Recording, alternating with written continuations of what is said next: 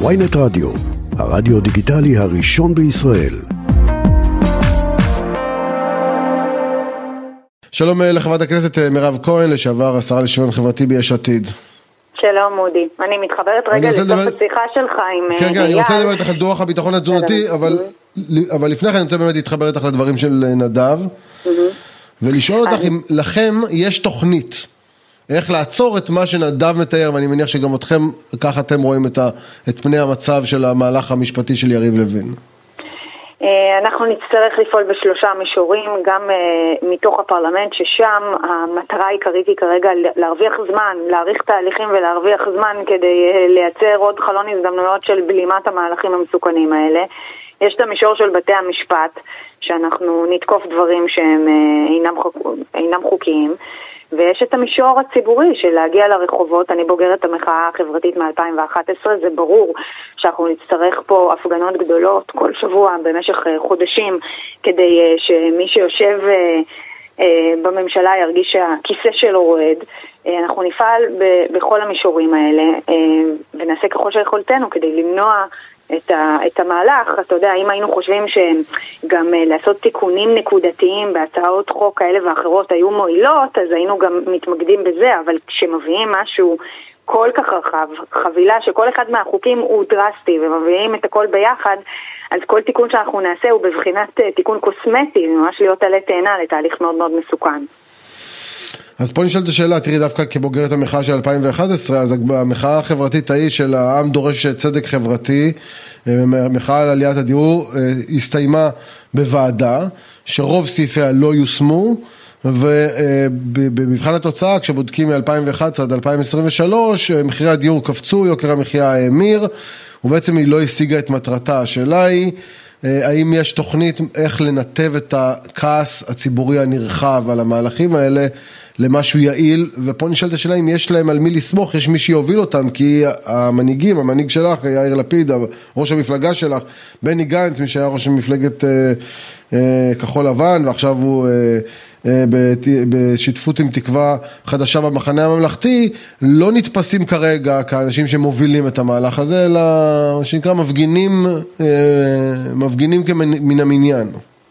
תראה, קודם כל אני לא מסכימה עם הקביעה שלך שהמחאה החברתית של 2011 לא נתנה את אותותיה, היא כן נתנה, גם בהקשר של חינוך חינם, חלק מה, מהגילאים הנמוכים שהיום מקבלים מסגרת ציבורית זה תודות למחאה הזו, וזה לא עניין של מה בכך, זו הייתה עלות של מיליארדים רבים.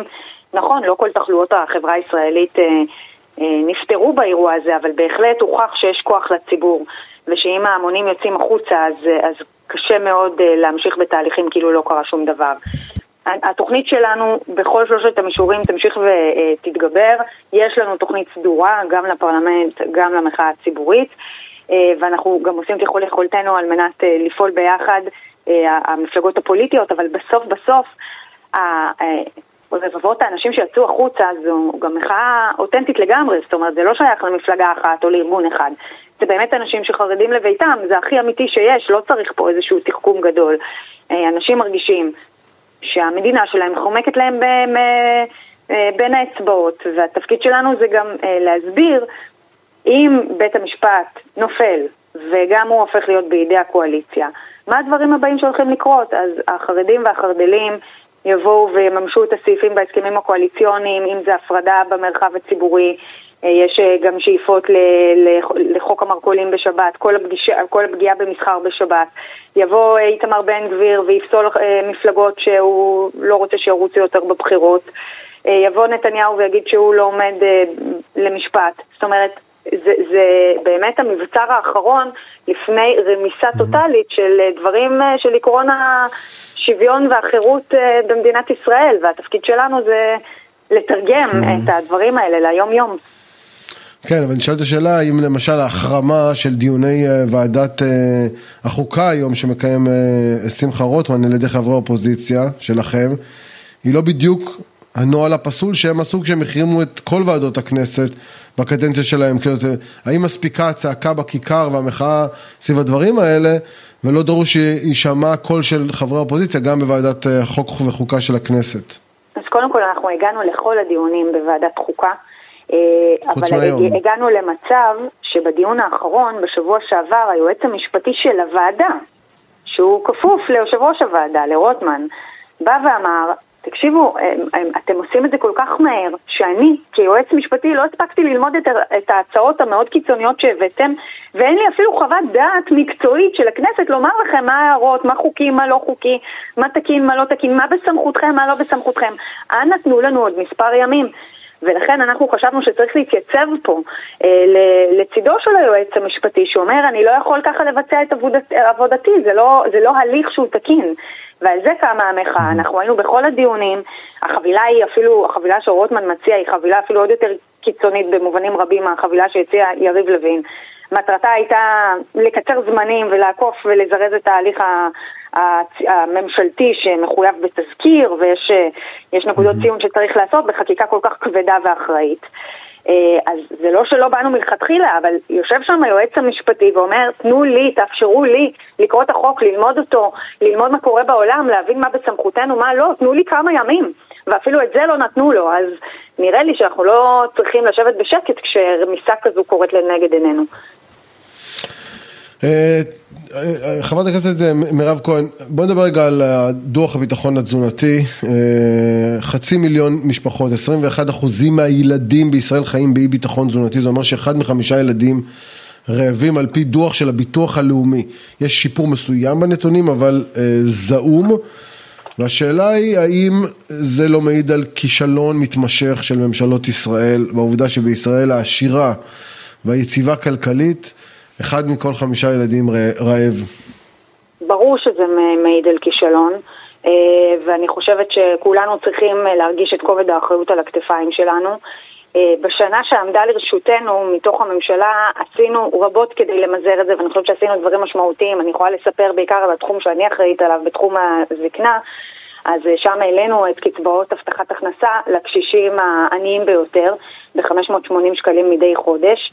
הנתונים האלה עדיין לא באים לידי ביטוי בדוח העוני, כי דוח העוני מתייחס לשנה שקדמה לה, ואנחנו העלינו את הקצבאות בשנת 22. אה, אבל זה משהו שמצריך אה, טיפול שורש עמוק, לא של שנה אחת ולא של שנתיים, אלא משהו מאוד אינטנסיבי וצריך להתמיד בזה. אה, וזה רובץ על כל אחד ואחד מאיתנו. עשינו ככל יכולתנו כשאנחנו היינו שם, אבל היה לנו זמן קצר מדי, אה, ואני מתכוונת להמשיך כחברת כנסת לקדם את אותם נושאים, בדגש על האוכלוסייה המבוגרת, אה, ששיעורי העוני בה מטרידים. וזה גם אנשים שהרבה פעמים כבר לא יכולים לעבוד לפרנסתם, mm-hmm. ויש לנו אחריות גדולה כלפיהם.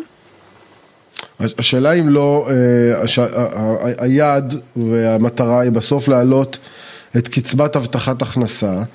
ופה אני שואל אותך שאלה פוליטית מורכבת, כי מצד אחד אני משוכנע מה תהיה עמדתך ברמה הפוליטית כעת באופוזיציה, אבל האם העובדה שאריה דרעי היום יפוטר על ידי בנימין נתניהו, היא לא אובדן של שחקן שבגדול הוא האיש שחרט על דגלו והבטיח שהוא יעשה מהפכה בתחום הביטחון התזונתי, כולל כל ענייני כרטיסי המזון, דבר שאולי היה יכול לטפל גם בממצאים של דוח העוני, והאם את מצרה על כך שדרעי לא יהיה חלק מהמערכת הממשלתית?